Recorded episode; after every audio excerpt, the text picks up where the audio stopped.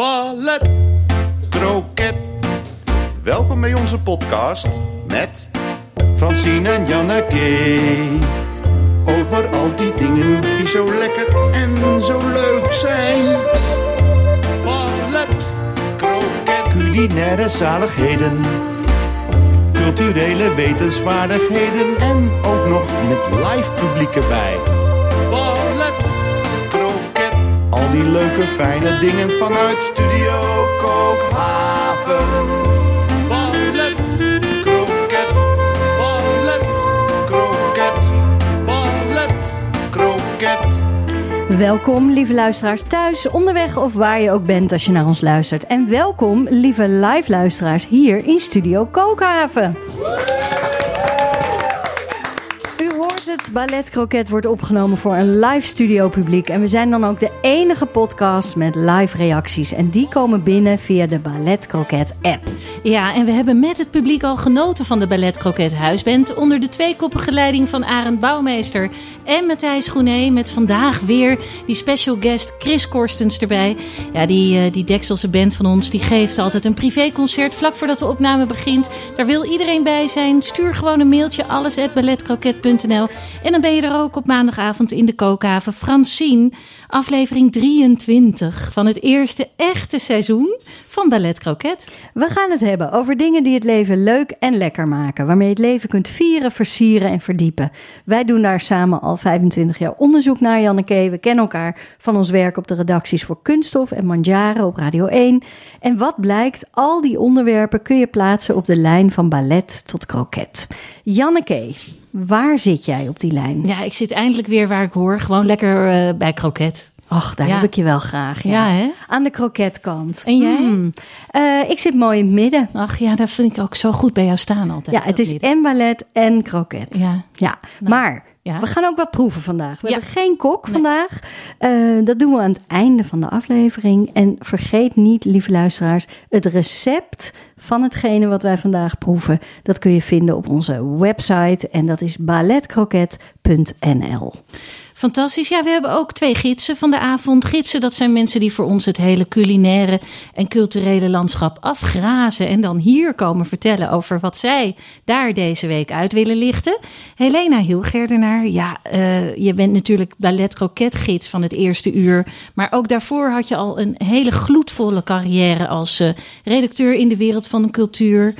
Eh, met liefde voor alles wat je daar binnen kan aantreffen. Maar dan toch nog net het allerliefst zijn toch wel theater en, eh, en boeken voor jou, hè? Ja, dat klopt toch wel. Ja? Ja, en ik ben weer helemaal in een boek gedoken. Oh. En wat- ja, dan word ik toch ook wel misschien. Nee, ja, het is, het is een groot gevecht tussen theater en boeken. Ik kan niet kiezen. Nee. Maar eh, ik was weer even heel blij. Oh, wat fijn dat het in dit bloedstollende gevecht tussen theater en boeken toch een keuze is gemaakt door jou. Deze week, hè? Deze Ja. week, ja, ja. Een boek. Maar volgende week, ja. Ja, dat is, weer, dat is allemaal, moeten we allemaal weer afvragen, ja. En we hebben Stini Bosma. Jij bent voor de eerste keer bij ons. Eh, jij hebt een, een roemrucht eh, verleden en heden als talkshowredacteur. Een beroepgroep waar je eigenlijk nooit wat over hoorde, maar dat nu ineens in, in het centrum van de belangstelling staat. Waar, waarom wij ook vragen nu aan jou: hoe gaat het met je? Best redelijk. Oh, gelukkig. ja, het gaat weer beter. Oh, gelukkig. Ja, want het viel even niet mee. Hè? Nee, nee. Eh, jij, jij komt dus hier bij ons eh, ja, een lekker onderwerp brengen. Wat, wat ga je doen? Ik ga een eh, portret, of het is dus een boek gemaakt door Petra de Koning. En zij is journalist bij het NRC. En zij heeft een heel mooi portret gemaakt, vind ik, al, eigenlijk al twee jaar geleden. En er is nu een herziene editie van, van de meest besproken man van Nederland. Oeh, spannend. Janneke en Francine. Ehm, Francine, dit belooft een heerlijke aflevering te worden. Maar eh, hallo, dit is een podcast. En daarom vraag ik nu aan jou, hoe was je week? Mijn week was goed, maar je wil ook eh, dat ik iets, eh, ja, eigenlijk geef aan ons publiek. Eh, en dat is deze keer een podcast, een andere podcast. En dat is de podcast eh, Wat blijft. En dat zijn, eh, ja, het zijn eh, audioportretten van mensen die er niet meer zijn. En eh, ja, eigenlijk kwam ik er ook op omdat er een, ja, er is een hele trits aan rouw-podcasts. Dus hoe om te gaan met de dood, met verlies. eh, dat zijn er een heleboel. Eh, de meeste gaan, eh, ja, gaan uit van een aantal eh, nou, ervaringsdeskundigen die bij elkaar gaan zitten, die het er met elkaar over hebben van hoe doe jij dat? Ja, wat, wat zijn tips en tricks? Ehm, deze eh, Wat blijft, ja, het zijn eigenlijk eh, zijn portretten waarbij het werk centraal staat en de mens. En het zijn eh, gesprekken met vakgenoten, eh, maar ook met vrienden. En je krijgt in een, ja, in een klein uurtje krijg je een heel mooi, eerlijk portret over diegene die, nou, meestal ken je de mensen wel. Eh, er zit een, een rijtje vrij, eh, vrij bekende mensen, of in ieder geval, eh, ik kende de meeste wel. En je kan blijven luisteren. Ze hebben er inmiddels een heleboel. Echt de moeite waard audiofonisch ook heel mooi in elkaar gezet. Dus het, ja, het is, het is en met citaten. Af en toe zit er muziek. Nou, ik luisterde er een van Jeroen van Merwijk. Eh, ja, die zit ook eh, zit zo, ja, zit zo eh, vernuftig in elkaar. Ja, want jij hebt natuurlijk meegewerkt zelf ook aan een mooie aflevering. aan een mooie over aflevering. hem. Toen leefde hij nog. dus leefde. het was wel een van zijn, een van zijn laatste interviews die hij gaf. Ehm, maar dit is dan, ja, het heeft ook een, een voordeel. als je alles, ja, als iemand er niet meer is Ja. en je weet alles. En je kan echt keuzes gaan maken van, oké, dat, dat willen we wel vertellen, dat niet. Eh, dus het, ja, het heeft, een, eh, het, het heeft een, een extra voordeel dat je als maker van zo'n podcast eigenlijk helemaal kan kiezen van wat voor soort portret wil ik, eh, wil ik hier maken. Ja, dat verhaal, het verhaal is natuurlijk af. Dat is een beetje met een leven wat voorbij is. Ja. Maar dat is natuurlijk, je zei er zijn ook heel veel podcasts over hoe je moet Ja. rouwen eigenlijk. Of wat je kan helpen. Maar kan dit daar ook bij helpen? Is dit ook... Ja, ik vind dit een hele. Ja, zeker. Want er zitten een aantal mensen eh, eh, tussen. eh, ja, die ik persoonlijk ook gekend heb. En ook dan. ja, je hebt je eigen ervaring van iemand verliezen. Maar het is. ja, zeker met mensen die interessant werk hebben gedaan. Is het gewoon heel. Een mooie ingang om nog weer eens even helemaal in het leven en werk van iemand eh, te duiken op deze manier. Dus eh, mij helpt het zeker. Al die mensen, want, nou ja, eh, ik ben bijna bejaard, dus om, mij- ho, ho, om mij heen vallen ze bij vanaf. bosjes. Nee, maar de dood is geen, ja, Geen vreemde meer Nee, voor geen je. vreemde Nee. meer. Dus ja, je, ma- je maakt verliezen mee. Ik helemaal niet meer dan iemand anders. Maar dus je, je, je leert daar wel. Ja, je moet daar een soort eh, je toe verhouden. En ik merk dat eh, even in iemands leven en werk duiken. En je dan heel verrijkt voelen. En iemand heel dichtbij voelen. Ja, het is wel een, eh, voor mij is het wel een hele, een hele fijne manier. Mhm, mhm. Ik zie Helena ook knikken, die is daarmee Ja, eens. ja, ik heb net ook een hele mooie eh, over Clary Polak gehoord. Die kan ik echt iedereen aanraden om te luisteren. Omdat het voor mij toch een beetje een geheimzinnige vrouw was. Die ik ontzettend goed vond in haar werk. Maar wie was ze nou eigenlijk precies privé? En het is een super tragisch verhaal over eh, dat haar moeder, eh, toen zij ziek werd, eh, nooit aan iemand verteld heeft, ook niet aan haar man en dochter, dat ze ziek was en zou sterven. En precies ditzelfde heeft Clary Polak ook gedaan. Zij is dus jarenlang heeft zij dus een ernstige ziekte gehad, heeft het aan geen één vriend, aan niemand verteld en is totaal eenzaam gestorven. Jeetje. En ik vond het nou, ik, ik krijg echt koude rillingen van. Maar daarnaast zijn het hele liefdevolle verhalen. Onder andere van Jeroen Pauw.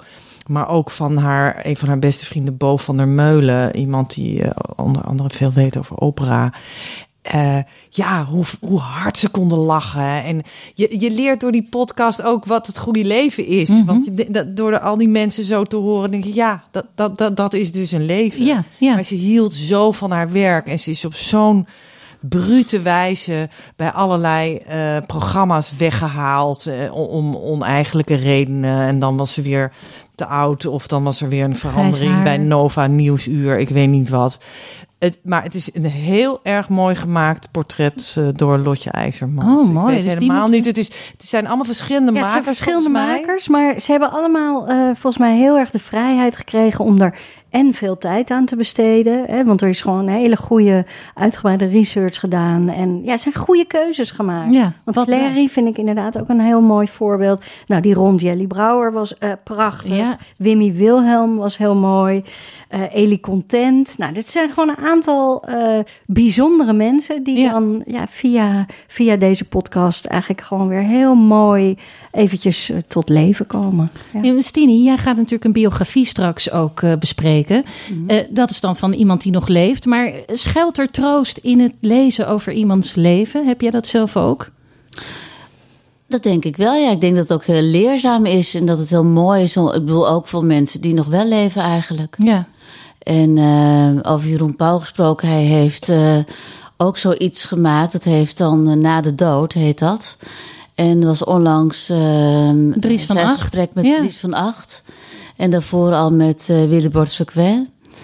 En eh, ja, dat zijn gewoon hele, je zegt dat zijn hele liefdevolle gesprekken eigenlijk, hè? Ja. En, ja, dat is eh, ook een leuk nieuw format eigenlijk. Een gesprek hebben met iemand bij Ja, leven. bij En je leven. spreekt af, Ja, we zenden ja, het pas uit na je dood. ja. ja. En ik hoorde dat Dries van Acht was net iets te vroeg opgenomen. Oh ja. Ze hadden niet verwacht dat hij zo oud zou worden. Het heeft heel lang op de plank Dus gelegen, ja, hè? Vanaf zijn 85ste geloof ik. Ja, dus je ziet nog een heel veel jongere Jeroen Pauw. eh, Ja, je dit- ziet nog iets, eh, ja, klopt, ja. Ja. Ja. Maar met Willebroord was het volgens mij wel eh, een beetje, nou ja, op tijd zou ik maar zeggen. ja, ja. Dus, Net op tijd. Net op tijd, Ja. ja. Oké, dus hoe heet dat programma van Jeroen Pauw ook? Na de dood. Na de dood. En dan hebben we Wat blijft. Wat blijft van de human? En dan met een speciale notering voor de aflevering over Clary Polak. Ja, die is Maar goed, na de dood is alleen, wordt alleen uitgezonden als er iemand doodgaat. Ja, precies. Dus, Want kijk, dat ja. is natuurlijk het Prins Ja. Bernhard Ze effect. hebben hè? natuurlijk heel veel, een hele rij mensen hebben ze al, heeft ze al geïnterviewd. Ja, en daarin ze- kun je dan dingen zeggen die je bij leven liever niet, eh niet Ja, kwijt wil. bijvoorbeeld. Ja, dat zou kunnen, ja. Onechte kinderen, Ja. dat soort Ja.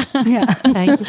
Ja, Dries van Acht had bijvoorbeeld heel erg veel spijt dat hij eh, de puberteit van zijn kinderen niet had meegemaakt Ja. vanwege zijn eh, eh, politieke leven. Dus dat eh, zijn ook hele leerzame Ja, dingen. zeker. nou, oké. mooi. Janneke, je zat aan de kroketkant. Ja, kroketkant. Kijk, ehm, je weet, ik hou altijd een beetje de series in de gaten. En dat heb ik helemaal laten versloffen de Ja, afgelopen daar weken. kregen we inderdaad al berichten over. Ja, en dan zou je denken, het? nou is er soms niks? Nou, niets is minder waar. Het, ene is nog, nog groter en bombastischer dan het andere. Maar je, we, we signaleren bij Belet Coquette ook al een tijdje dat het tijdperk van de man voorbij is. En dat vinden ze hier aan, aan, eh, in het publiek altijd heel erg eh, niet leuk om te horen. En eh, ja, dat vinden wij ook niet leuk om te zeggen. Maar ja, je bent nou eenmaal trend, trendwatcher of niet. Ja, we zitten ook alleen maar met onze neus op de actualiteit. Maar wat nou zo leuk is voor die mensen. er is nu een serie. Eh, Speelden, spelen bijna alleen maar mannen in. Het is super masculien. Het is eh, het tijdperk van, van de man is er nog weer even helemaal. Gaan wel een, een tijdje terug.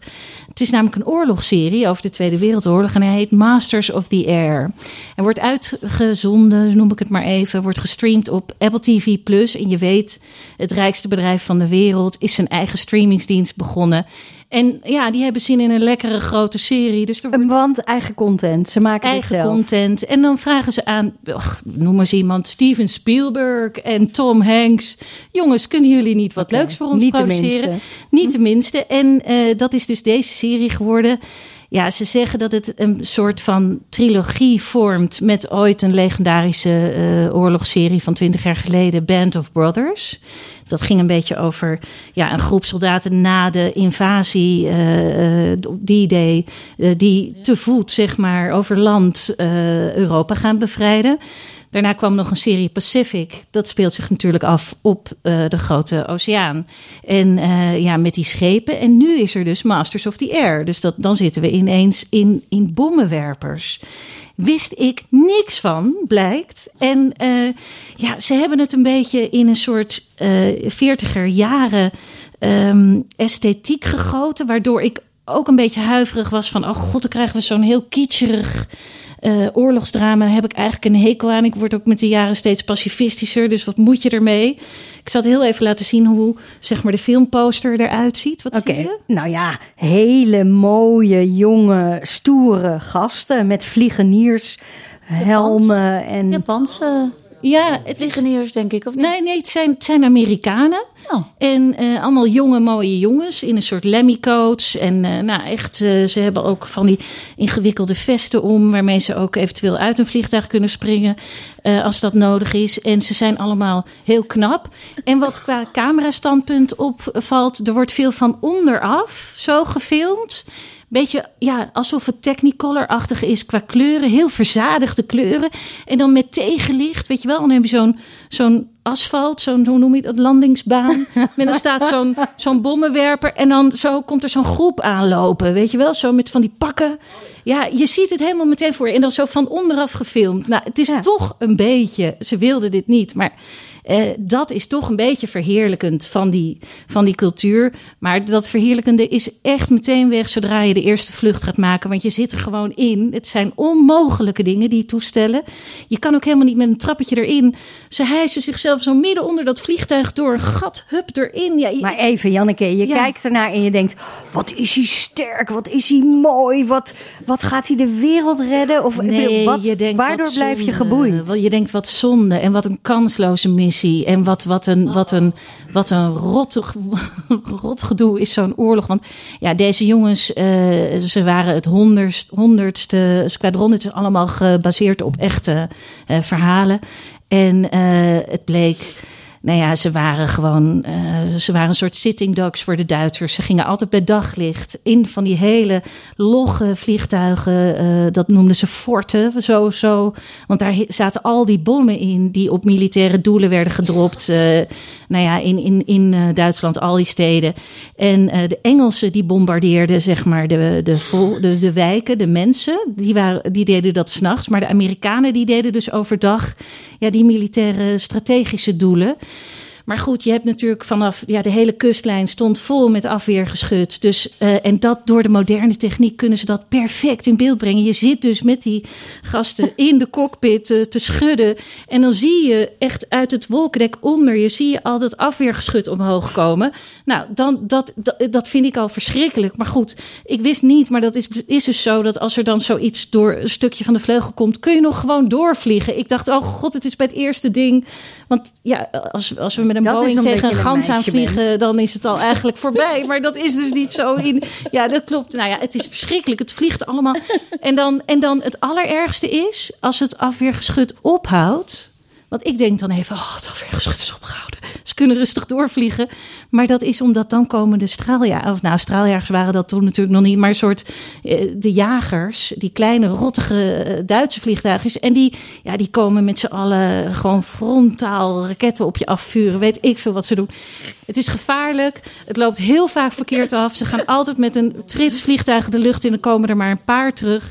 En als je geluk hebt, dan lukt het je nog om in je neerstortende vliegtuig allemaal eruit te komen. Nergens aan te blijven haken. Want er zitten dus schutters aan boord en, en een navigator en twee piloten. Dus het is een heel gedoe daar in dat vliegtuig. Dan moet je door één gat eruit springen. En natuurlijk je, je capuchon, wou ik zeggen, maar je parachute. Nou, en dan dwarrel je naar beneden. Ik kijk heel even naar de rest van de tafel. Ja. Je dwarrelt naar beneden. Maar ik, mocht het oorlog worden. Ja mogen we dan allemaal bij jou?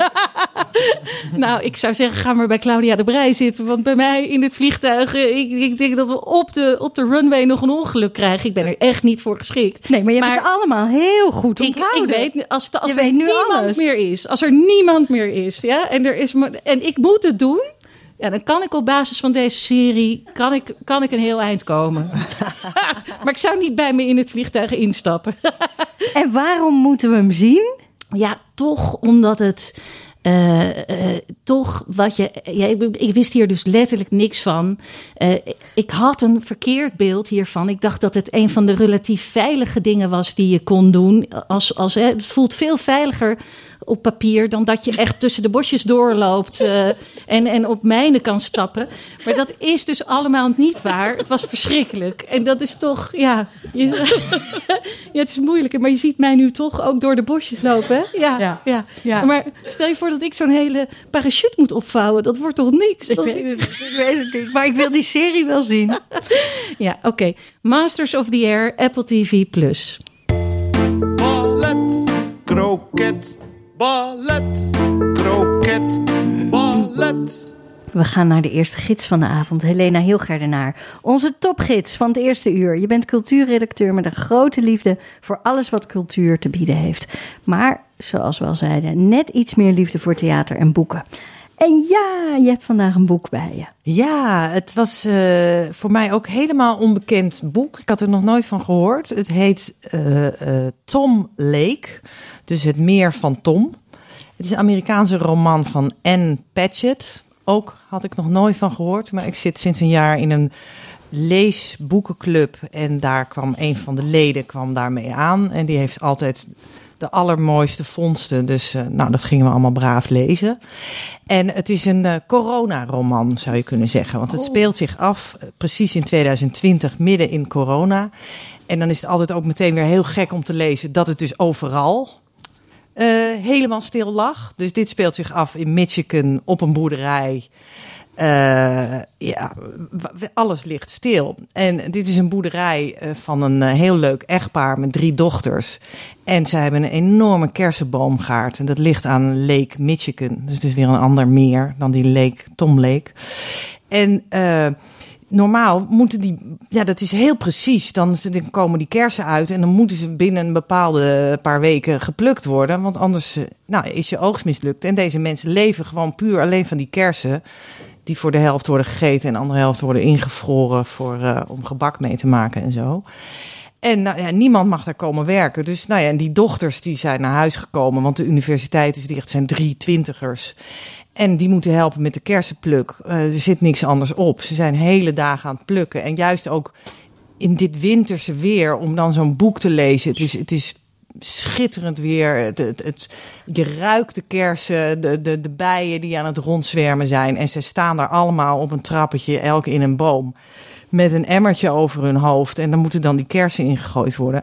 En ze hebben tegen hun moeder gezegd, Lara, wij willen best wel dit doen, maar op één voorwaarde. Jij hebt een geheim verleden. We weten er wel iets van. Maar terwijl wij aan het plukken zijn, ga je ons nu toch eens een keer echt vertellen hoe het zit. Want die moeder is vroeger, voordat ze boerin werd, best wel een beetje een beroemde actrice geweest. En heeft in haar twintiger jaren gewoon met het, zeg maar, wat nu dan Leonardo DiCaprio is, met zo'n soort van hele knappe jonge mix Jack Nicholson, Leonardo DiCaprio. Dat, dat blijkt uit dat boek. Daar heeft zij dus een prachtige zomer mee doorgebracht. Die, die zijn verliefd geworden. En die, ja, in het boek heet die man dan Peter Duke.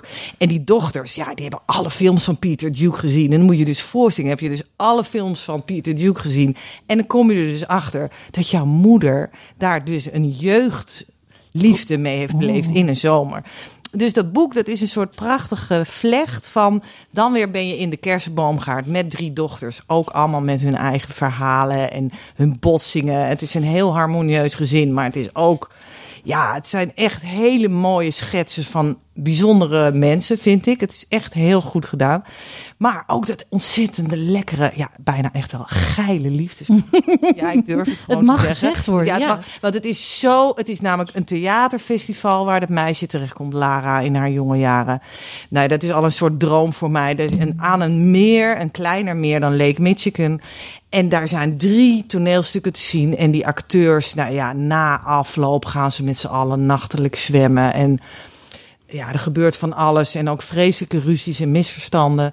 Maar ja, dat is, dat is een droomverhaal. Maar dat, dat gaat op een gegeven moment ook weer helemaal eh, anders aflopen dan je denkt. Oh. Maar ik kan toch niet te veel spoilen. Nee, hier? dat mogen we dan maar niet je hebt nu echt geteased. Maar, maar het, is, het is echt een boek waarvan je nu in deze grijsheid, waar je innig naar kan verlangen. En we hebben het met de leesclub er ook lang over gehad.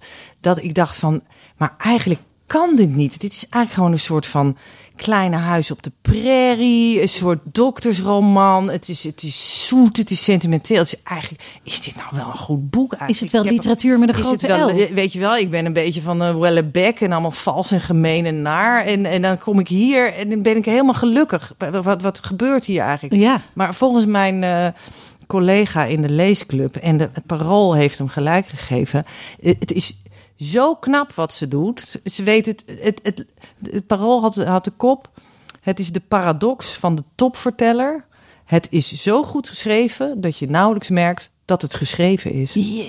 Dus het is een soort verteller. En dat zijn, daar zijn de Amerikanen natuurlijk juist ook wel heel vaak goed in. En er zijn miljoenen boeken van haar verkocht. Dus, maar Dus zij kan wel wat. Zij- maar jij bent eigenlijk meer een wat. Europeaan als het op, op eh, lezen Nee, want Philip Roth eh, ben ik ook, eh, daar kan ik ook alles van lezen. En, en eh, nee, dus ik hou heel erg van dat Amerikaanse, de, de, de, de, hè, de great novel. Dat, maar dit boek is ook niet, je hoeft niet bang te zijn, het is ook weer niet zo'n baksteen. Maar het is echt wel een heel goed verhaal met veel schitterende personages. Een good read. Zo Een heet good read, Een ja. good read. Lekker dus ook voor in de tas op vakantie. enorm lekker boek voor in de tas. En ehm, eh, ja, er zit dus, wat ik dan ook wel even wil zeggen, er zit ook een kras op de plaat. Het is dus Oh. niet zo, er zit dus ook wel de hele tijd op die boerderij, voel je een soort ondertoon van... ehm, ja, dat de aarde opwarmt. Weet je, het is dus niet alleen maar een soort zoet lief verhaaltje. Want eh, het wordt eigenlijk te warm voor die kersenbomen. Dus binnen een aantal jaar. En een van die dochters is daar bijvoorbeeld heel erg mee bezig. Weet je wel, dus de generaties die ook weer met elkaar. eh, ja, eh, botsen clinch en- en- liggen. en waar, waar- dus weet je, het, het, is, het is echt wel meer. En de een MeToo-affaire natuurlijk met die Jake Nicholson-achtige jongen. Je voelt hem al wel aankomen. Er gaan natuurlijk allerlei dingen ge- gebeuren en mis. Dus, eh, dus het is eigenlijk ook wel gewoon een soort Great American Novel. ik vind het wel. En wat je nou ook nog hebt als bonus, is dat het, eh, als je denkt, ik, kan niet lezen, want ik ben dyslectisch of zo. Mhm. eh, de- het wordt voorgelezen door Meryl Streep. Dat is dan ook weer een Ja, soort maar- podcast ding. Ja, maar En ik denk dat zij de hoofdrol gaat het spelen dan, dit is, toch? Dit wordt een film. Ja. Het kan niet anders. Ik heb het niet onderzocht. Het boek is nog niet zo lang uit, hè? Dus het, dat duurt altijd wel even. Maar het klinkt ook al als een, als een serie of een film. Ja, dat gaat absoluut gebeuren. En ja, ik ben nu heel benieuwd. Ze heeft negen boeken geschreven. eh en Patchett. Ze schrijft ook voor de New York Times Magazine en de Elle en de Vogue en de Washington Post. Dus ik vermoed dat ze echt wel van alles kan. Dus ik, ja, het is gewoon een ontdekking, een Nou, nieuwe heerlijk. naam. En, eh, aanrader. eh, En zo lekker geschreven dat je even twijfelt van, kan dit wel? ja, kan Is het, is het niet te Ja. makkelijk? Is het niet, ja, te lekker? Te, te- het glijdt te lekker naar binnen toe of zo. Nou, ja, laten we het allemaal proberen en dan maken we er een grote leesclub van. Ja, zeker. Zeg nog één keer de naam van de Het schrijver. heet Tom Lake. En dat is dus een klein meer. En dat is naar een jongen genoemd die Tom heet. En in het boek kom je er wel achter hoe dat dan weer zit. maar het speelt vooral in Michigan bij de, ke- de kersenbomen van Michigan. Ja, Tom Lake van Ann Patchett. Dingen met Dick. Dingen met Dick. Dingen met Dick. Dingen met Dick. Dingen met Dick. Dingen met Dick.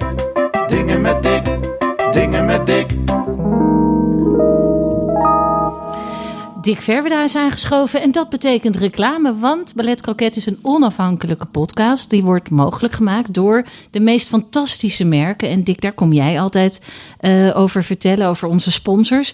Je bent vandaag gewapend met eh, papier en leeslamp. Dus het gaat helemaal goed komen met jou. Ja, eh, vooral door Helena, die ja, zo'n prachtig boek beschrijft. Dus ik denk, ik, ik, ik kras ook wel eens op papier.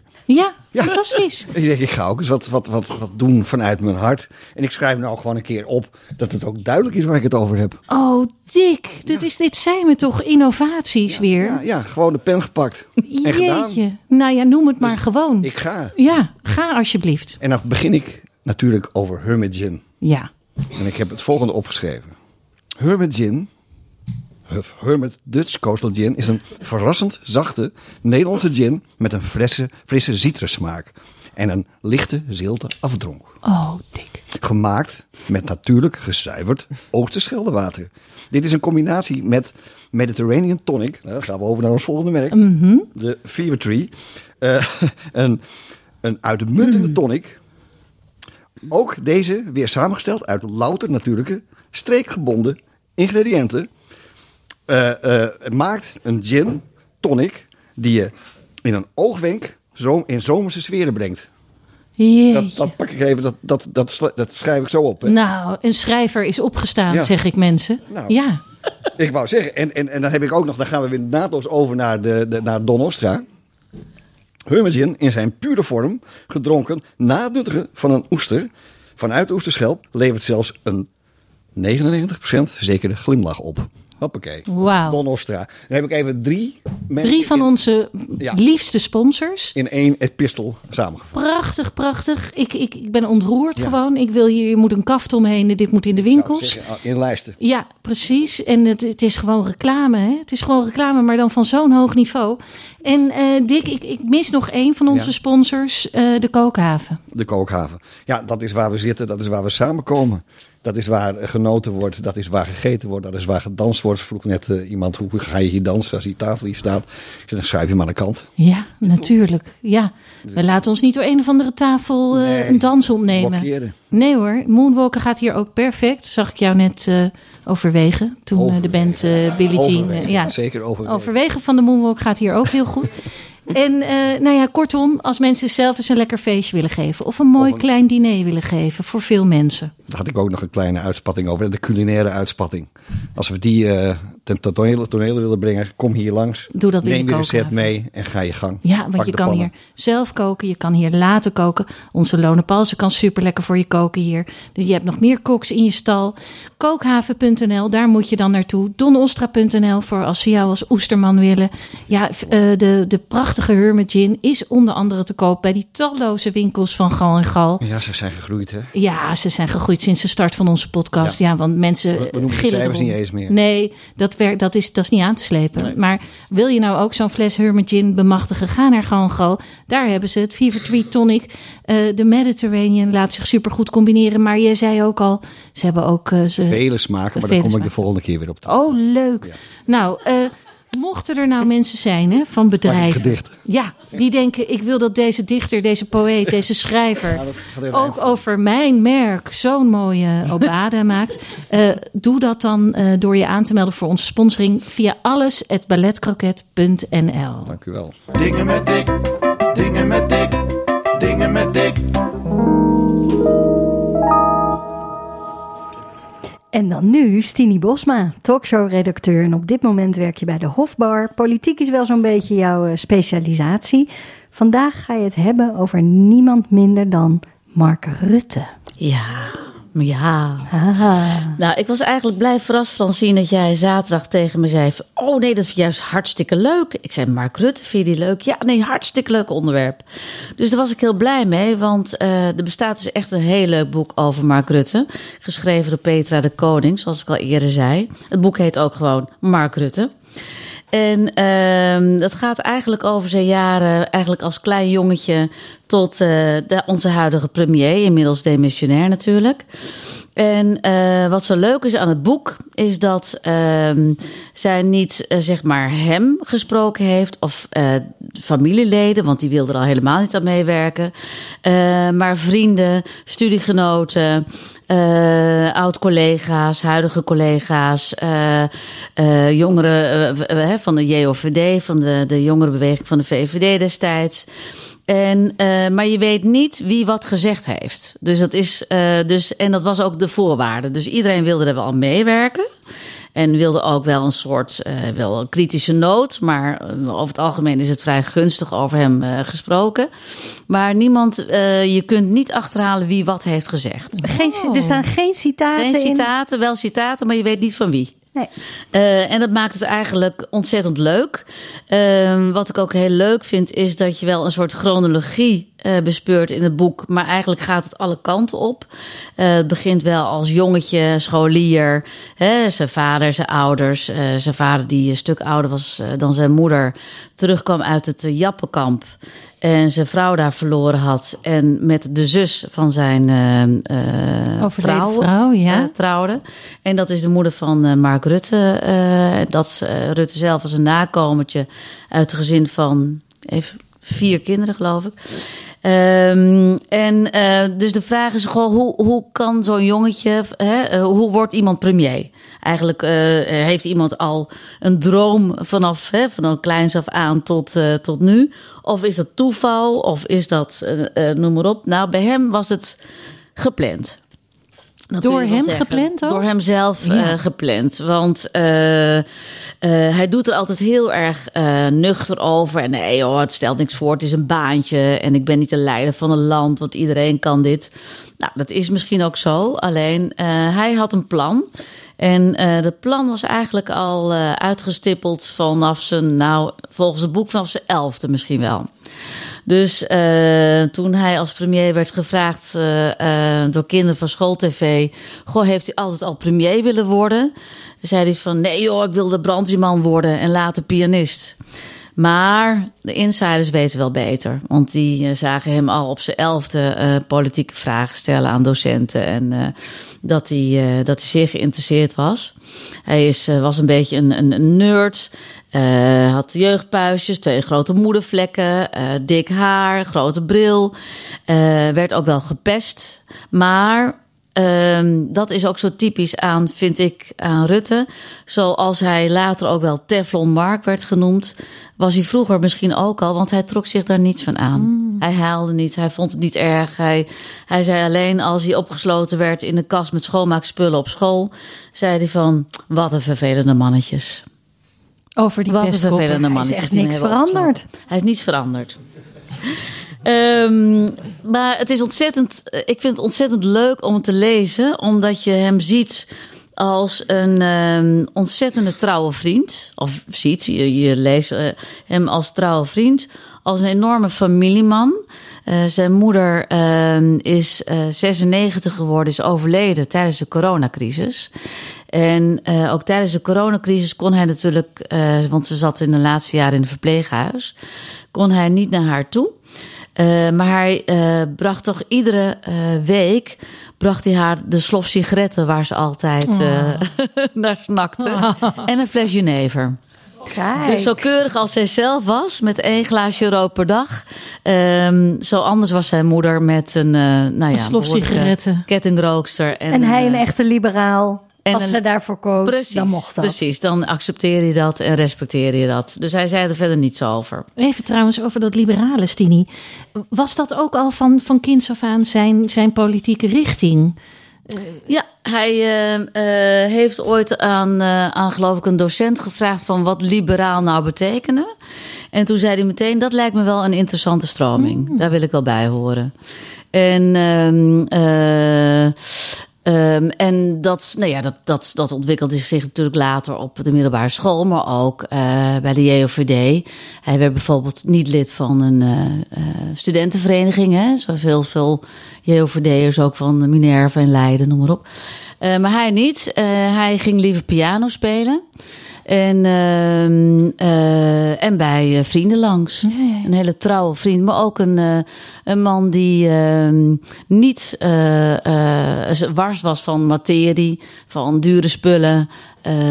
hij heeft ooit op kamers gewoond met nou, een kacheltje en een heel armoedig kamertje, altijd in de buurt van Den Haag. En later kocht hij met zijn beste vriend een, ehm, een appartement in Den Haag, aan Benoordenhout. En uh, er was een etage over en daar kwam de moeder van die beste vriend kwam daar wonen. En ze hadden beide, uh, alle twee, een, een kacheltje, geen cv. Hoeft ook niet verbouwd te worden wat hem betreft. Zij betaalde keurig de huur van 300 gulden per maand. En dat bleef ik zo. Dus ze hoefde geen huurverhoging. En zei ze, kom op Mark, ik wil even wat uh, dit jaar huurverhoging. Zullen we het afspreken? Nee, Kitty, absoluut niet. Wat moet ik met dat geld? Het is eigenlijk, en, ook een soort asceet van een man eigenlijk. Ja, dat doet hem allemaal niks. Nee, ja. Maar leren we iets over de vrouwen of de mannen? Of... Of wie een partner. Nou, de mannen, of de vrouwen en de mannen, dat was natuurlijk altijd een, eh, een uh, interessant item en een groot geheim. Althans, hè, wij vonden het altijd een groot geheim. Ik denk dat hij er zelf niet zo'n ontzettend geheim van maakte, want er, er was niet zoveel. Hmm. Uh, in Zomergasten heeft hij toen ooit ook bekend dat hij geen homoseksueel was. Want de interviewer vroeg hem dat face-to-face. En hij heeft wel eens vriendinnen gehad, maar na zijn studententijd heeft hij nooit meer een vriendin gehad. Dat heeft hij ook bekend. Dus dat, uh, en dat bevestigen vrienden van hem ook. En had wel eens hier en daar met skiën of met uh, nou ja, studiereizen, wat dan ook. Maar voor de rest uh, nooit meer een. Uh, een nee, maar wat leer je ja, uit het boek echt over hoe die ja, zijn, zijn privé-tijd? Of is er geen privé-tijd? Er is wel privé-tijd, maar die was heel erg. Um, wat je heel erg le leest uit het boek, wat heel erg bij hem paste. Dat zie je ook bij hem als premier, maar ook als vriend of familielid of als nou ja, oud collega. controledwang. Dus uh, controledwang en traditie. Dus hij uh, at altijd bij hetzelfde restaurant met één bepaalde vriend. Bijvoorbeeld Amsterdam uh, in het restaurant De Leeuwte. Altijd tafel nummer 21. hij ging ehm, met kerst met zijn ouders naar de Landalpark ja. in, in, in, op de Veluwe. Op de Veluwe, ja. En dan was het altijd huisje nummer 94. En uh, toen die een keer bezet was, toen schrok je verschrikkelijk. En toen uh, moesten ze toch echt wel wennen dat ze op nummer 91 uh, moesten logeren. Oh, jeetje, ja. dus enorme controledwang. Ehm, maar altijd wel met. Um, en, en heel erg waarde hecht het aan tradities. En hoe En hele gekke tradities eigenlijk ook. Oh ja, ja. ook als het gewoon nergens. Dus, dus altijd maar naar dat landelhuisje. Landelhuisje. Ja. tafel 21. Uh, en hoe valt dat beeld dan te rijmen met, met Teflon Mark, met, met de, de grote communicator die die kan zijn binnen kabinetten om de boel maar zo lang mogelijk op de rit te houden? Is, Ik denk dat hij die, die controledwang en die tradities nodig had om dit werk te kunnen doen, omdat je geen privéleven hebt eigenlijk. Ja, ja, ja, daar zit het er meer in. Denk ik. Je hoeft niet te veel na te denken over je privéleven dat gaat gewoon altijd op dezelfde manier. Ja. En dan kan je al. En het interesseerde hem ook niet echt, hè? Want tijdens een campagne van 2006, toen was hij nog helemaal niet zo bekend. Uh, toen heeft, uh, heeft het campagneteam heeft bedacht: weet je wat, Rutte, uh, Mark, we gaan je neerzetten als de grote vrijgezel. Want misschien krijg je dan heel veel vrouwelijke kiezers. Hè, dan word je een aantrekkingskracht voor heel veel vrouwen die misschien jou heel leuk, omdat je vrijgezel bent en nog een beetje een losbol. En, uh, dus toen werd dat, dat uh, stond er ook in privé en uh, allemaal vragen over: goh, wat is jouw ideale vrouw? En toen had hij, had hij gezegd: sterke carrièrevrouwen als Sascha de Boer, Daphne Dekkers en Sophie Hilbrand. Nou, daar heeft hij jaren later heeft hij daar verschrikkelijk veel spijt van gehad. Oh ja. Want het was echt iets opgelegd wat hij, wat hij moest zeggen. Dus eigenlijk was het uh, iemand die uh, aanvankelijk deed waarvan hij dacht het campagneteam zegde, dus ik voer het uit. En later is hij heel erg zijn eigen gang uh, mm -hmm. gegaan. En dat werkte. Ja, ja.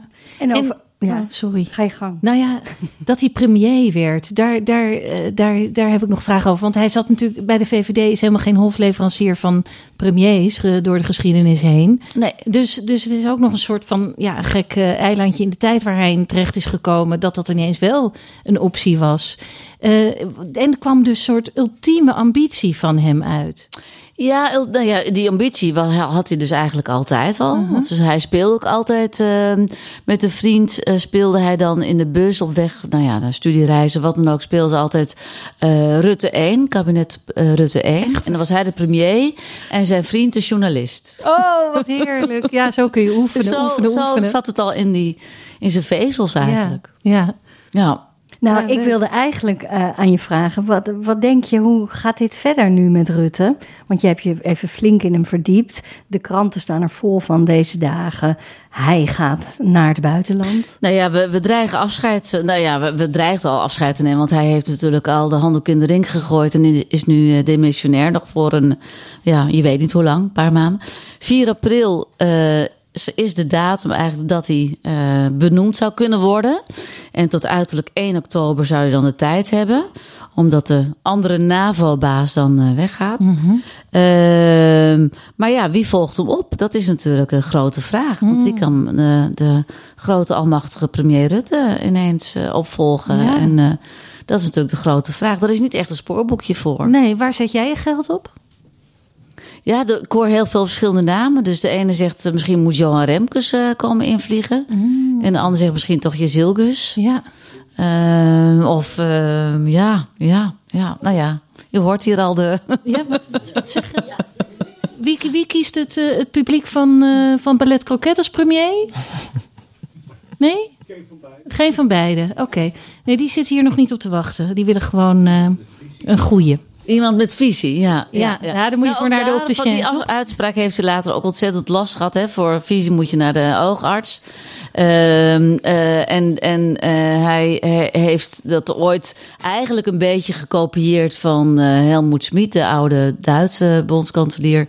Die had gezegd van als je visioenen hebt, dan moet je naar de arts. Ah, ja, ja, ja, dus en toen heeft hij dat daarvan. Maar goed, uiteindelijk heeft hij daar wel spijt van gekregen, want het bleef natuurlijk achtervolgen. Ja. Maar um, al met al, nee, goed, ik weet niet, ook voor mensen die niet heel erg geïnteresseerd zijn in politiek. Het is wel een heel leuk boek om te lezen. Uh, en wie nou werkelijk die persoon achter de langzittende premier van Nederland was. Ja, ja. leuk. Petra de Koning, hè, een heldin Petra uit de, de vaderlandse ja. politieke journalistiek. Ja. NRC. Ja. Nou, leuk. Lees dat boek, mensen. Dankjewel, Stini. Graag gedaan. Wie is de kok? Laat mij eens spreken met de chef. Ai. Waar is de kok gebleven, chef? Ai. Waar ben je nu? Laat mij eens spreken met de chef. Ai. Wie is de kok? Wie is de kok? Janneke, jij kon het weer niet laten. Wat heb ik hier voor me? Ja, sorry. Ik wil hier even beginnen met mijn excuses. Ja, doordat we het ineens over Mark Rutte gingen hebben, uh, ja, ging ik toch even kijken op Google wat Mark Rutte eet. En inderdaad, hij gaat dan naar een Indisch restaurant, geloof ik, en weet ik veel wat. Maar hij kookt uh, zelf nooit. Nee. Hij eet altijd buiten de deur. En ik denk dat hij gek is op spekkoek. Oh ja, en ik, ik las ook dat Willem-Alexander zei... hij is de enige die als hij in het paleis komt een koekje eet. Oh, ja. Dus toen was bij mij mijn koekjesbrein aangezet. Je weet, uh, Francine, ik ben bezig met een boek... Eet jezelf gezond in 101 koekrecepten. En uh, dat, uh, dat, dat boek ja, zoekt nog een uitgever. Maar verder is het eigenlijk al gemaakt. En, en ik dacht, ja, als Rutte dan, wat voor een koekje zou die dan eten? En dan vond ik de Jan Hagel. Mm -hmm. Vond ik een hele goeie. En de Jan Hagel is namelijk een rechthoekig koekje. Het wordt gemaakt door een, op een bakplaat een lap deeg uit te rollen en te bedekken met amandelen. En dan met een uh, mes dat in rechthoekjes te snijden.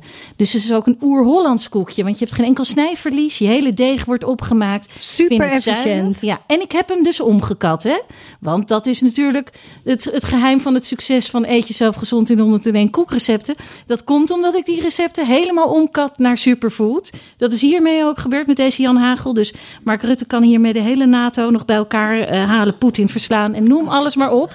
um, want er zit volkorenmeel in en ongeraffineerde rietsuiker. Ja, die mogen wel eens gaan sponsoren. Hè, die ik wou net zeggen, is dat ja, nog niet op bij nee, jou thuis? Ja, nee, dat is nog niet op. Maar echt uh, ongeraffineerde rietsuikerproducenten van Nederland... meld je bij alles.balletcroquet.nl, want we willen dat je ons sponsort... want het begint uit de klauwen te lopen. Maar uh, ja, uh, hoe heet het? Uh, volkorenmeel.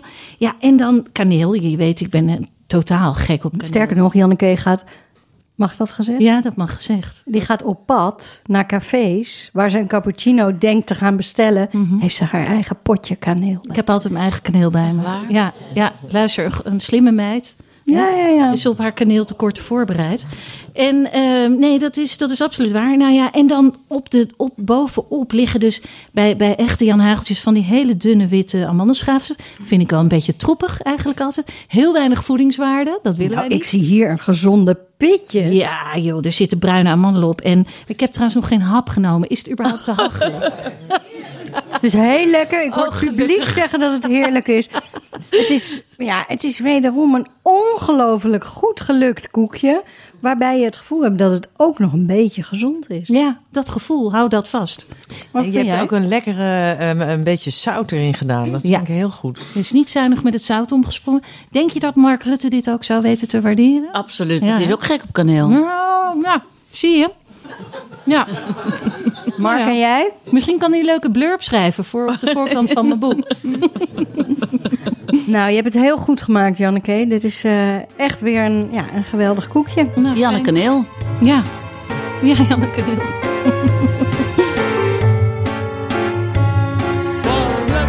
Dit was aflevering 23 van het eerste echte seizoen van Ballet Croquet. Wij danken onze gasten Helena Hilgerdenaar en Stini Bosma. Grote dank en een extra groot hartje aan de Ballet Croquet Huisband onder de tweekoppige leiding van Arend Bouwmeester en Matthijs Groenee. Met vandaag als speciale gast Chris Korstens.